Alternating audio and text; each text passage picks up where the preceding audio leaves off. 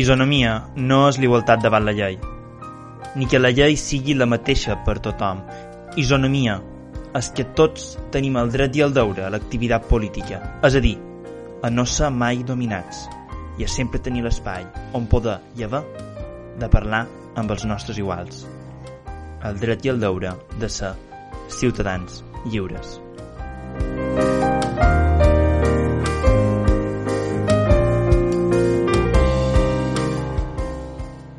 Política, actualitat, discussió, isonomia. Benvinguts un dia més a Isonomia.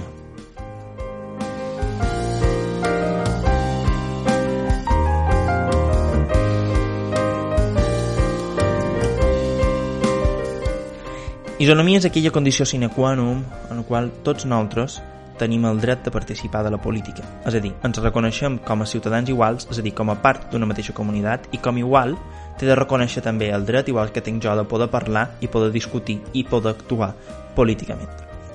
Per tant, isonomia és aquella condició bàsica de l'igualtat que no mos fa justos, però mos fa lliures de poder discutir la justícia. És aquesta llibertat que és molt diferent de la llibertat concebuda com a liberalisme, que és simplement llibertat de naixement i de no interferència, perquè és una, llibert és una llibertat i una igualtat que requereix de la participació activa de tota la ciutadania. Per tant, requereix un compromís. Isonomia és un compromís ferm amb la igualtat de tots els membres de la teva comunitat. I requereix, per tant, un compromís ferm d'aparèixer a l'espai públic, d'aparèixer en aquell àgora, de constituir espais comuns, Precisament d'això parlarem avui, de constituir espais comuns, d'aparèixer a l'esfera pública i de discutir cada un d'aquests espais. Perquè com en aquest programa ens agrada molt anar a les polis gregues i cercar els fonaments del nostre sistema allà, eh, entroncar-los amb un republicanisme, també volem anar precisament en aquest espai que va constituir Grècia i que també s'ha reproduït en molts altres sistemes, que és aquest espai de la ciutat la ciutat entesa com aquesta ciutat democràtica, aquesta ciutat també republicana un després, que constitueix la base de la discussió política principal. Per això avui discutirem sobre la ciutat i sobre una notícia que ha estat clau a les ciutats darrerament, que és la segregació per barris a causa de la crisi de la Covid-19.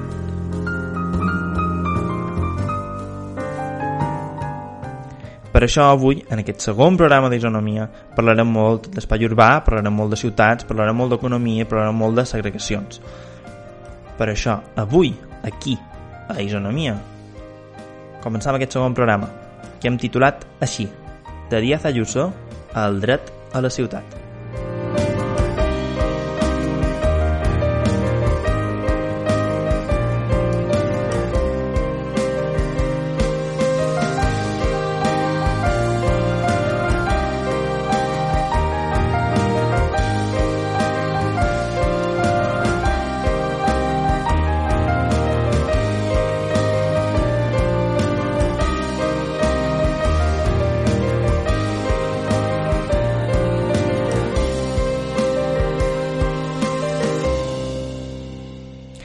Aquestes setmanes, o més ben dit, el que duim de, de, de més, ens han despertat amb un canvi de marc complet per fer front a la crisi del coronavirus.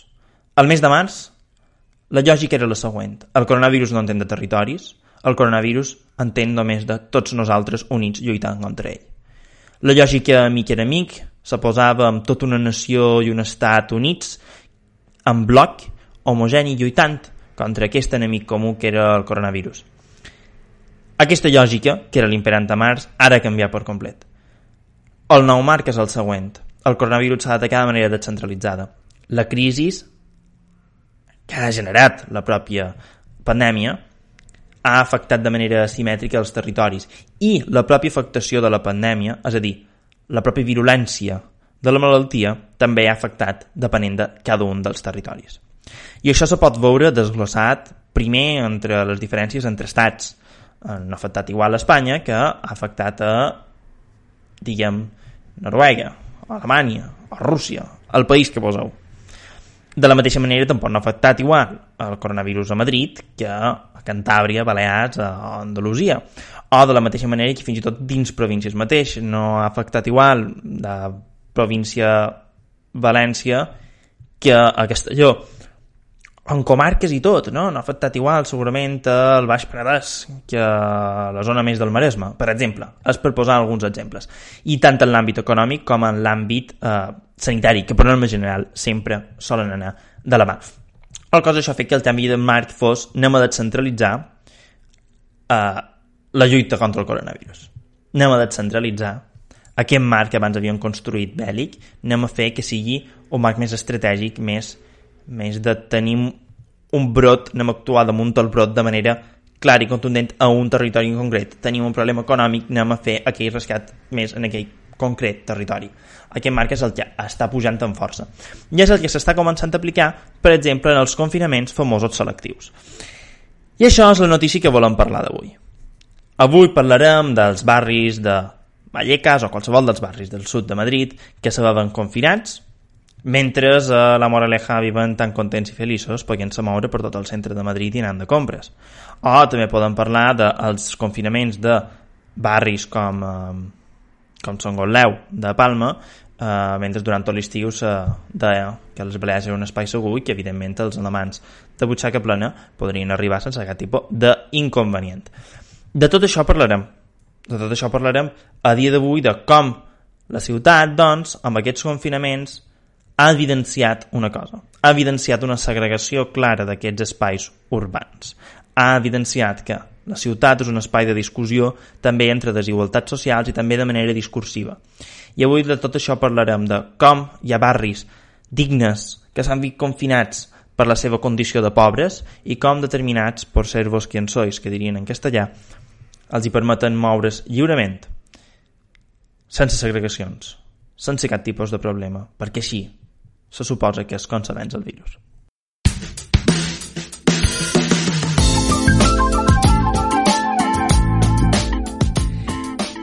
També vos dic, no entrarem tant a analitzar la, el factor sanitari, sinó veure que el factor sanitari és simplement un factor eh, conjuntural de dins un problema sistèmic. M'explic. Tota malaltia és conservadora. I me permetreu aquí que posi un exemple molt clar. Uh, les malalties generen un discurs sempre d'estigmatització i imaginació. Un exemple molt clar, que és el que anava a posar, és el de la sida. L'UVIH, oh, llavors és la malaltia de la sida una vegada eh, esdevé, um, va ser vist com una cosa que afectava els marges del sistema, afectava els marges de el poder considerava ser un bon ciutadà. Per tant, d'aquelles persones del col·lectiu LGTB, és a dir, que aquelles persones queer, eh, drogadictes, totes les treballadores sexuals, que aquelles la fi eren les més afectats i afectades per eh, l'UVIH i, i, i llavors també per va ser la pandèmia de, de, de morts per sida eh, era vist quasi, quasi com un fet de, eh, en alguns casos quasi, quasi de vergonyosa selecció natural. Cosa que evidentment no era així. En veritat era que hi havia un estat al darrere que no feia aquest tipus de política per protegir la sanitat dels seus ciutadans i no feia educació sexual per realment protegir llavors tots els seus joves i no tan joves del perill que suposava eh, l'UVIH eh, i llavors les malalties que, que, que, que generava.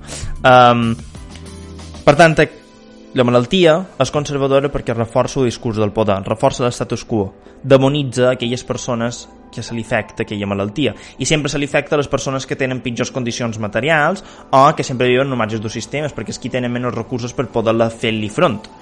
Perquè la malaltia se fa front se fa front amb eh, inversions en desenvolupament de, de, de, de medicaments se fa front amb aïllaments si són possibles, se fa front a, depèn de quin sigui la malaltia, necessitaràs unes condicions materials per poder-la fer front. I en definitiva, aquest exemple que he posat de la sida també s'ha reproduït avui, però amb una condició molt més de classe.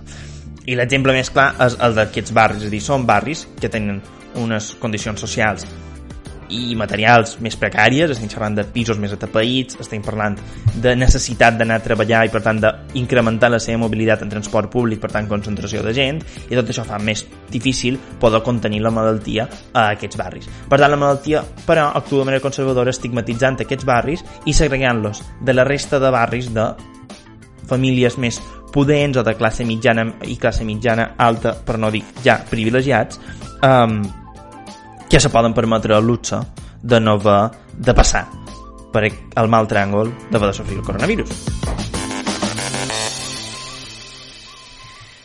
Per tant, avui parlarem de la polèmica que s'ha suscitat de Madrid i els diversos barris per al confinament selectiu d'aquests barris i també parlarem de la resta de barris de la resta de ciutats d'Espanya de, de, que veuen afectats per aquesta malaltia i aquest discurs que no hi ha a la fi acaba reforçant, no? del barri pobre al barri ric, d'aquesta ciutat dual, que llavors es parlarem. Pi Margall deia que abans de que l'Estat esdevengui lliure o abans de generar l'autonomia regional, la base per qualsevol federació d'homes lliures, l'abans per bàsic, allà on s'ha de començar la construcció d'emancipació, per dir-ho d'alguna manera, republicana en el seu cas, és, sense cap tipus de dubte, la ciutat. Perquè la ciutat és l'espai de concentració dels individus, és allà on hi ha aquí primer espai de discussió. Aquesta tesi de Pi Margall també ha estat reproduïda per molts altres pensadors, eh, com puguin ser David Harvey, Manuel Castells i tants altres que sortiran durant el dia d'avui i que parlarem d'ells durant el dia d'avui quan analitzem a què és realment la ciutat. I ho farem des d'un punt de vista clarament marxista i, i però també eh, mai abandonant el postmarxisme, el discurs, eh, tota l'escola d'Essets i també altres, molts altres pensadors que crec que són combinables les dues visions i que intentarem donar i explicar.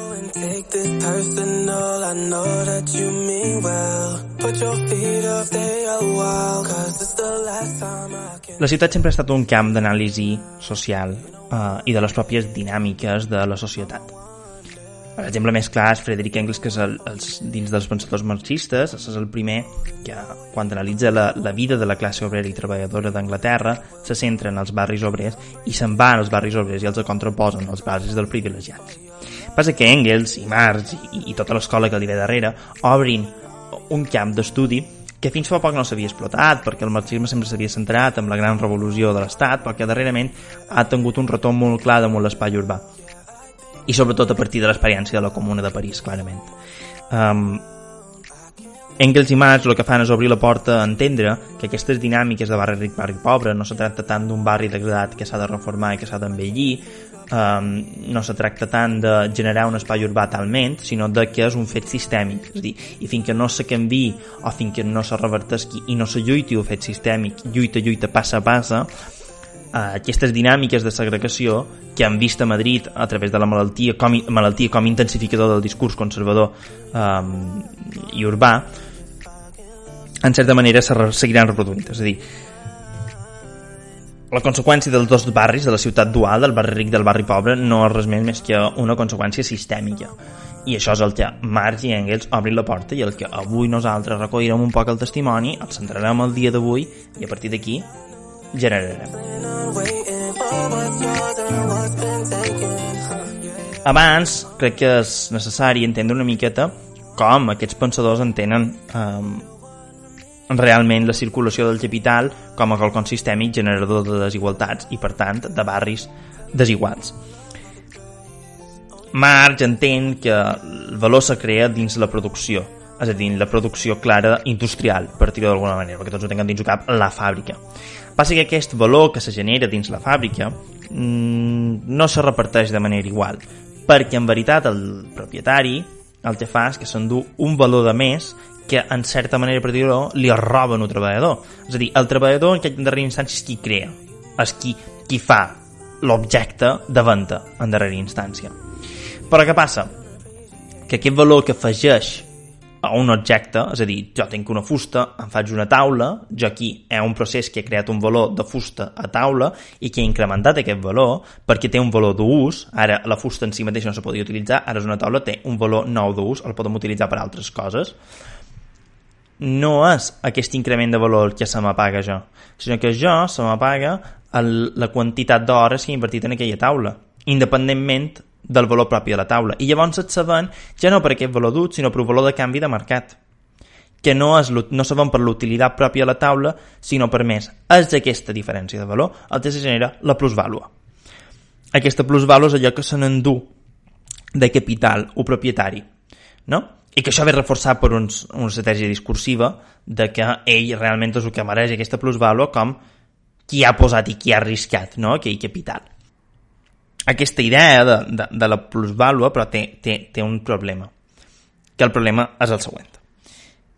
Si el que tu cerques, és dir, abans del capitalisme, l'idea era el següent. Tu tenies una mercaderia i el diner te servia per comprar una altra mercaderia que necessitaves. I tu tens una mercaderia que no necessites, o diner venc allò per tenir el diner i comprar una mercaderia que necessit. Per tant, per el valor d'ús. La lògica del capitalisme actual és diferent. Jo tinc un diner, faig mercaderia i amb aquesta mercaderia guany més diner. I aquest més diner, aquest més és aquesta plusvàlua que li trec jo al treballador. Quin és el problema? Que si vull generar encara més valor i més diner i entrar dins aquesta roda del capital, tinc un problema, que ho tinc dues, dues maneres de fer-ho. Una és explotar més el treballador, és a dir, incrementar més aquesta plusvàlua, desposseint més el que li és legítim al propi treballador, i això té un risc, i és que el, el treballador se me reboti, o una altra, una altra alternativa, que és aquest capital que ha guanyat, aquest valor que ha guanyat, l'intent reinvertir d'una manera que per ell mateix ja generi valor. Vale? És la capitalització. I això com ho fem? Clar, per fer això, per fer que el valor creï valor, mos hem d'inventar una ficció. És a dir, si el que genera valor és la producció, han de fer creure a la gent que aquell valor inicial, és a dir, mos hem de saltar a la passa. Si el diner va una mercaderia per generar més diner, mos hem d'inventar que enmig d'aquest pas de diner a diner hi ha una mercaderia, com si hi fos. Així és com neix el capital fictici. Aquest capital fictici que vol dir és que jo genero valor damunt els meus dobbers, com si a darrere aquest valor de més hi hagués qualcom productiu que fa que aquest valor incrementi, però en veritat no és. Simplement tu t'ho creus. Per tant, el valor que s'incrementa és una creença. L'exemple més clar és el banc. Jo tinc un euro. Ah, no, jo som banc, eh? m'enteneu? I tinc un euro. Que aquest euro és realment un valor que s'ha produït a una fàbrica que jo tinc i, i que aquest valor s'ha creat i que és meu i que tinc aquest euro. El que passa que, clar, jo el deix a qualcú que llavors aquest me retornarà, que llavors jo també deixaré un altre i aquesta persona haurà comprat amb aquest euro, haurà comprat una altra cosa i llavors me retornarà, jo deixaré un altre i que haurà comprat una altra cosa amb aquest euro que llavors me retornarà. Dir que amb un euro haurem comprat coses que valen cents d'euros. Per tant, haurem generat valor de cents d'euros però el valor és meu. Si aquesta creença se romp, i per exemple tothom, llavors tothom que, que he deixat dobbers o que m'ha deixat dobbers me reclama aquest dobbers o jo els hi reclama a ells, Clar, aquest, aquesta creença se romp perquè només n'hi ha un d'euro i som 20 persones que ens han beneficiat d'un valor que hem incrementat d'un euro que en veritat no existeix. Això és el capital fictici. Bé, doncs aquest capital fictici no només passa en el món de la banca, de la financiarització, sinó també en un món de la terra, és a dir, a l'espai urbà. La terra funciona de la mateixa manera. Jo invertesc en una casa pensant que en aquella casa hi haurà qualcom productiu, però en veritat no hi ha res productiu en una casa, simplement és per evitar. Per tant, allò que era un dret, un, simplement un intermediari per poder viure, un habitatge, de cop especul de Montell com si jo generés de més valor. L'especulació és això, incrementar de valor el teu propi capital, quan en veritat això no s'adona. Però a més, la terra, com a capital, té un element central dins les pròpies lògiques del capitalisme. En si és un bé en si mateix que genera aquest capital fictici, que el que permet és reinvertir aquells dobbers de la producció per no haver d'explotar el treballador que generin valor per si mateixos. Per tant, és un bé en si mateix, la pròpia terra. És a dir, jo tinc una terra, no? I el que faig és que la venc i la revenc i la revenc i la revenc i incremento el seu valor en un mercat, val? per ella mateixa, mentre la terra no produeix res, però amb ella mateixa incremento el seu valor. Per tant, és un bé en si mateixa. Però alhora també és un bé necessari per poder produir, o per establir les condicions perquè se pugui donar la producció, és a dir, necessita la terra per poder fer la fàbrica, o per poder posar un comerç, o per poder posar un meu centre de negocis. Per tant, necessita la terra per construir quelcom que llavors me serveixi per generar més economia. I llavors també és molt rellevant pel capitalisme perquè també és un espai de circulació. La terra és necessària per fer carreteres, per poder comercialitzar. És a dir, què seria d'Amazon, el famós Amazon, sense la terra? Perquè necessita les carreteres que li fa l'Estat per poder distribuir, necessita d'una terra necessària per posar els seus magatzems. Per tant, Amazon no és virtual, Amazon té una concreció molt clara damunt una terra i estructura l'espai urbà de manera molt clara. Per tant, tot aquell espai virtual de generació de valor um, no tangible necessita llavors una concreció també damunt la Terra. Per tant, hi ha aquesta doble dinàmica amb el que seria la Terra, aquella esperança de renda futura generant especulant damunt aquella Terra que no és productiva, però alhora també la necessitat d'aquesta Terra que pugui arribar a, a, a posar les condicions perquè aquest valor cresqui. I en el món actual això com se trasllada? En el món actual això se trasllada a partir de la crisi del petroli de la crisi del petroli i de, de, de les crisis fiscals, per exemple, de Nova York, a partir de, dels anys 60 i 70, que hi ha un canvi de paradigma econòmic. Els èpoques del keynesianisme, de l'estimulació de la demanda i del consum, s'han acabat. Arribam a un estadi allà on la desocupació puja i també puja la inflació i l'antiga estratègia d'estimular la demanda per sortir de pas no funciona. Així es com arriba la tesi neoliberal. El que diu és la que ha famosa tesi de control monetari, control d'austeritat, aprimar en teoria de manera discursiva l'Estat i provocar, aquí és l'element central, la desindustrialització. No hem dit abans que la base del valor principal era la producció industrial? Clar, si tu desindustrialitzes, l'únic que te queda per generar valor és aquest capital fictici. Per tant, el món financer i la construcció.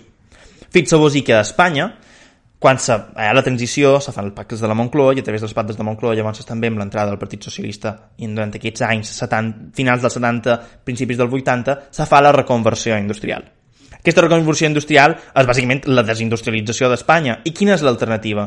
Bueno, doncs l'alternativa és turisme, construcció i finances. Per tant, un sistema basat a la financiarització, en aquest capital fictici que generi valor per si mateix, amb un, tercer, amb un sector terciari molt fort i la construcció com a element central per poder generar la resta.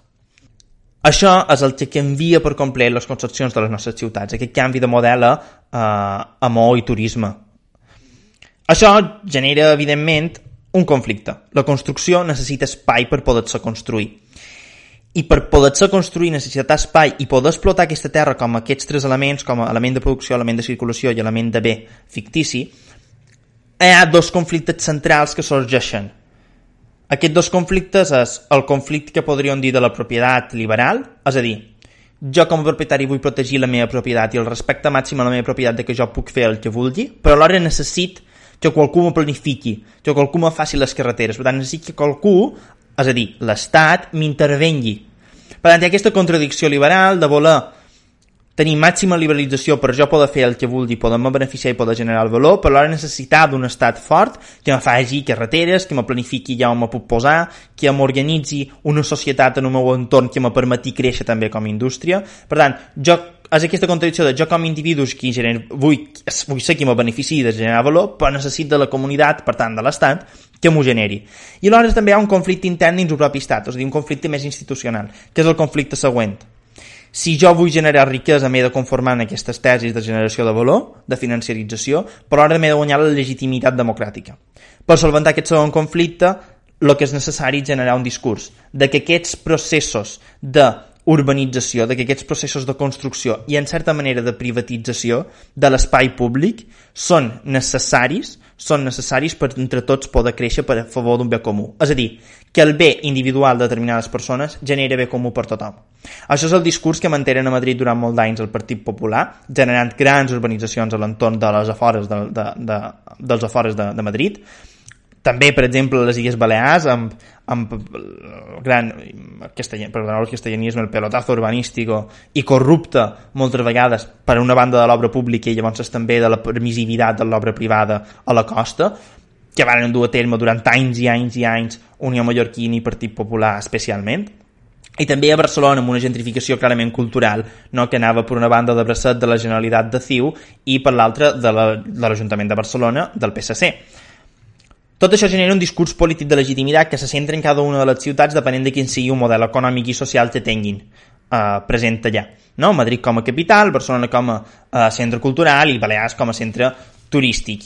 I, per tant, tot això és aquest nou relat de ciutat, de discursiu, que competeix amb ell. I que tot, però, tot i que cada ciutat i cada una de les ciutats, hi ha un punt central, hi ha un punt central discursiu en, en, en tot això, que és eh, el punt de la, el discurs emprenedor. Que això hi parlarem després. Però abans m'agradaria remarcar per què parlam que perquè tot això sigui possible hi ha d'haver una despossessió de lo comú.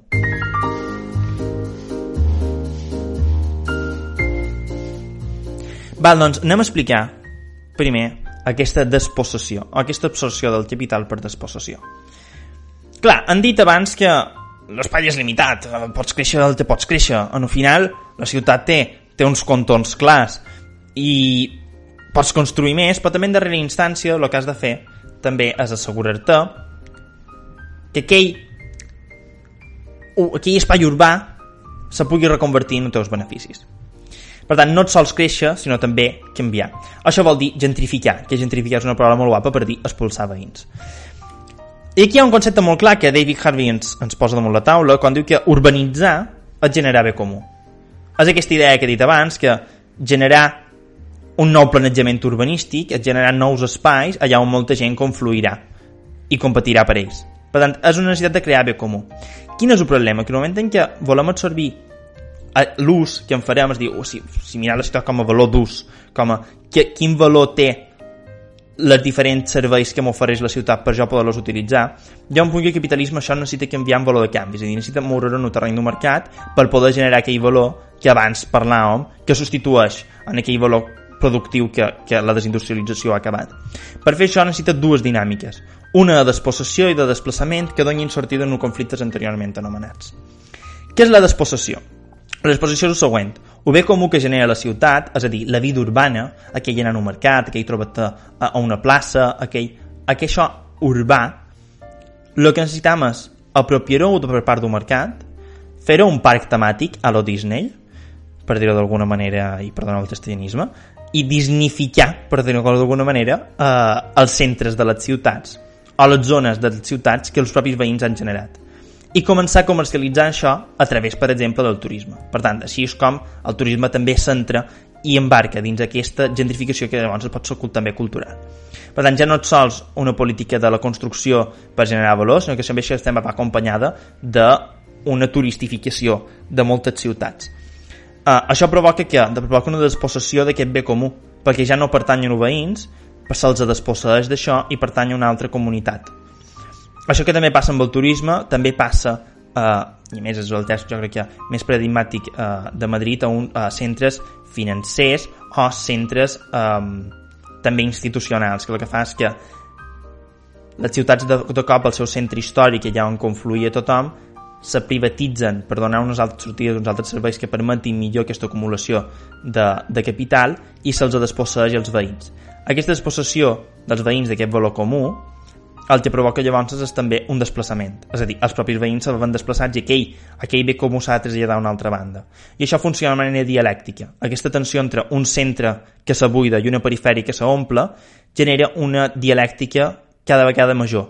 La ciutat la ciutat se va dispersant cap a les afores, el, el centre queda buit, hi ha una reconversió i llavors torna el procés a començar però de manera inversa Llavors, els sectors rics ja no van viure al centre de la ciutat, se'n van a fora, i aquelles persones tornen a ser expulsades, tornen a entrar a la lògica de l'exposició per desplaçament. Aquesta segona lògica, la que ens diu Manel Testeix a la societat informacional.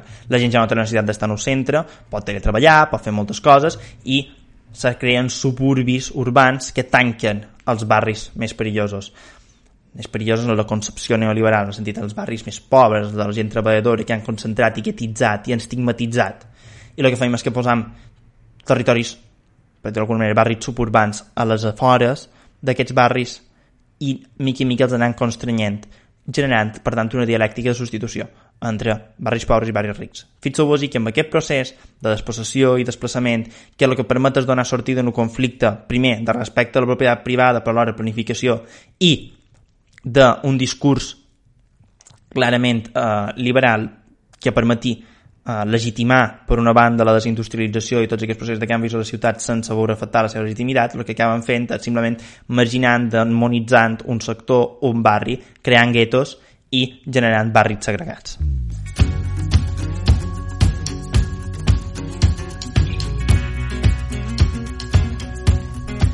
Manuel Testeix, en el seu llibre de la ciutat informacional, té un paràgraf que personalment trob que és molt interessant eh, ell parla de que se genera una dicotomia dins les ciutats. Hi ha una massa dominant que són les persones que tenen accés a uns coneixements que requereix eh, la societat informacional, és a dir, canvis tecnològics provoquen que hi hagi una gent que pugui accedir a coneixements de manera determinada i això que en diu modes de producció, el mode de producció és un coneixement clar de, de domini de l'alta tecnologia, per exemple. Això provoca que aquesta gent pugui accedir a la nova economia, en aquesta economia de generació de valor, més productiva i alhora també també puguin tenir accés en aquella economia del capital fictici. Però hi ha un altre sector de la població, que hi ha aquell antic sector industrial, aquell antic, antic sector més obrer, que s'ha assumit a la precarietat i que no té alternativa dins la nova economia del sector terciari. El cosa s'ha veu forçat a haver-se de marginar, a haver-se de quedar-se en una situació bastant precària i haver-se d'assumir a una economia submergida que moltes vegades també pot derivar, per exemple, amb un argument d'una pujada de la criminalitat, perquè aquesta pujada de la criminalitat és conseqüència d'un mal sistema econòmic que no els permet accedir a les condicions materials necessàries.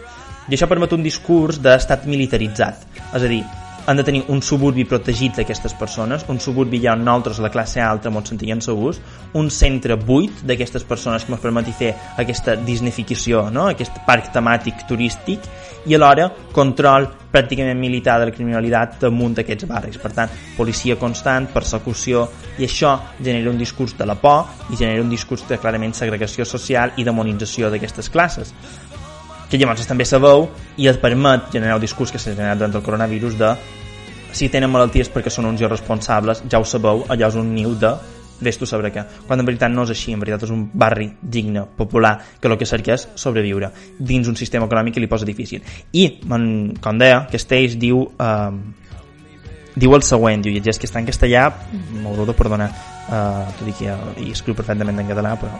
Bueno, eh, diu, Esta es la esencia de la ciudad dual en nuestra sociedad, una forma urbana que articula el ascenso de las nuevas categorías socialmente dominantes en el modo informacional de desarrollo, mientras desarticula y enfrenta los fragmentos de la fuerza de trabajo desvertebrada, así como los componentes de la nueva fuerza de trabajo incorporadas a la estructura económica en ascenso. El sentido contemporáneo fundamental de la ciudad dual, es a dir, de la ciutat d'aquests dos mons, se refiere al proceso de reestructuración espacial mediante el cual segmentamos específicos de la segmentos, perdón, específicos de la fuerza de trabajo son incluidos y otros excluidos de la producción de una nueva història urbana. Per tant, el que s'està generant aquí és un nou discurs urbà mitjançant la segmentació i la segregació.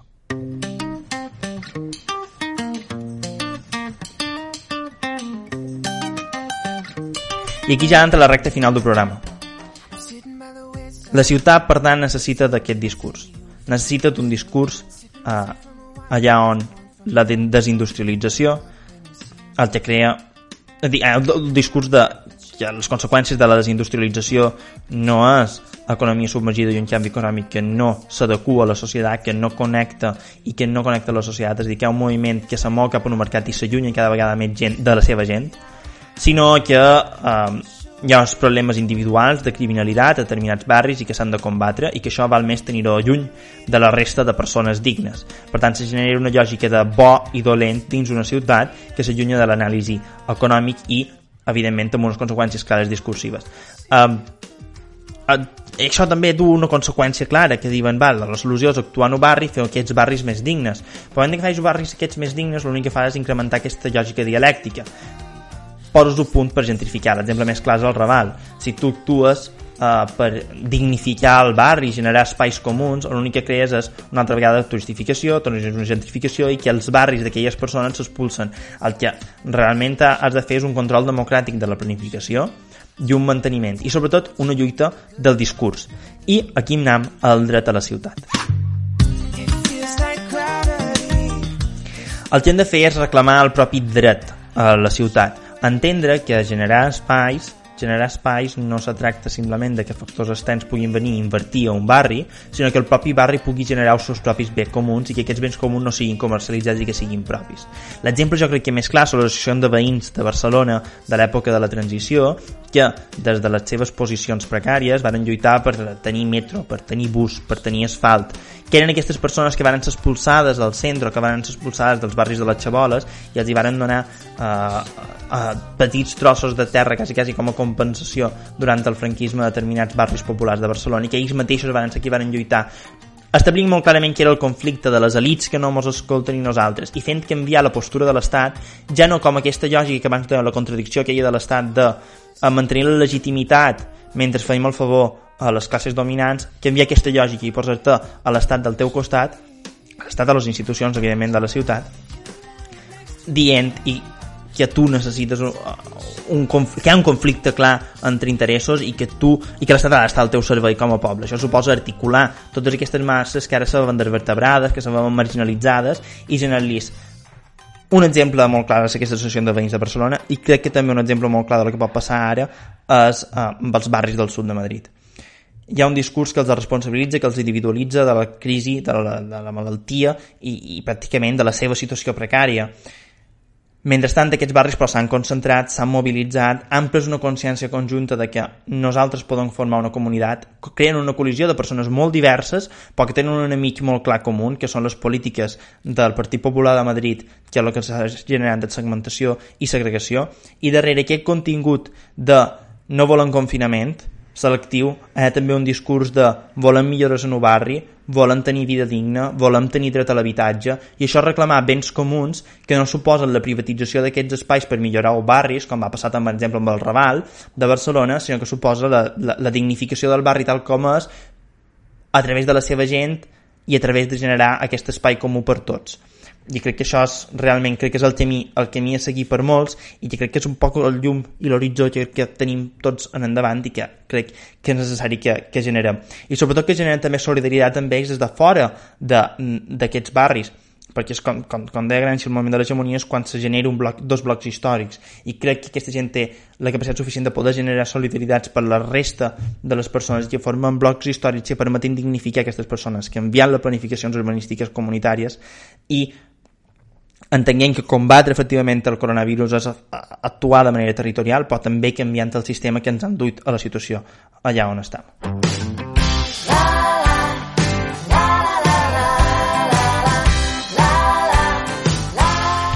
I fins aquí el programa d'avui, que espero que no hagi estat eh, molt dens i que espero que s'hagi entès molt bé eh, tot lo possible eh, com aquestes lògiques són lògiques sistèmiques, que no són lògiques eh, fruits de la casualitat, i, i que s'ha entès molt bé com la coronavirus mos obri un límit eh, i mos posa en la cara amb una realitat social que és la, la segmentació i la segregació de les nostres ciutats però també que ens brinda una oportunitat única de constituir una consciència col·lectiva combatent aquest discurs de vosaltres sou els responsables, aquest discurs emprenedor de individualitzat que en aquella la fi és el que ha destruït la nostra societat i entendre que això és un problema sistèmic que ve d'arrels profundes eh, d'un desajust de l'economia de la realitat social. Per, per acabar recomanem-vos un llibre que és el que pràcticament ens hem basat de, de tot el programa que és uh, Rebel Cities Ciudades Rebeldes, Ciutats Rebels de David Harvey.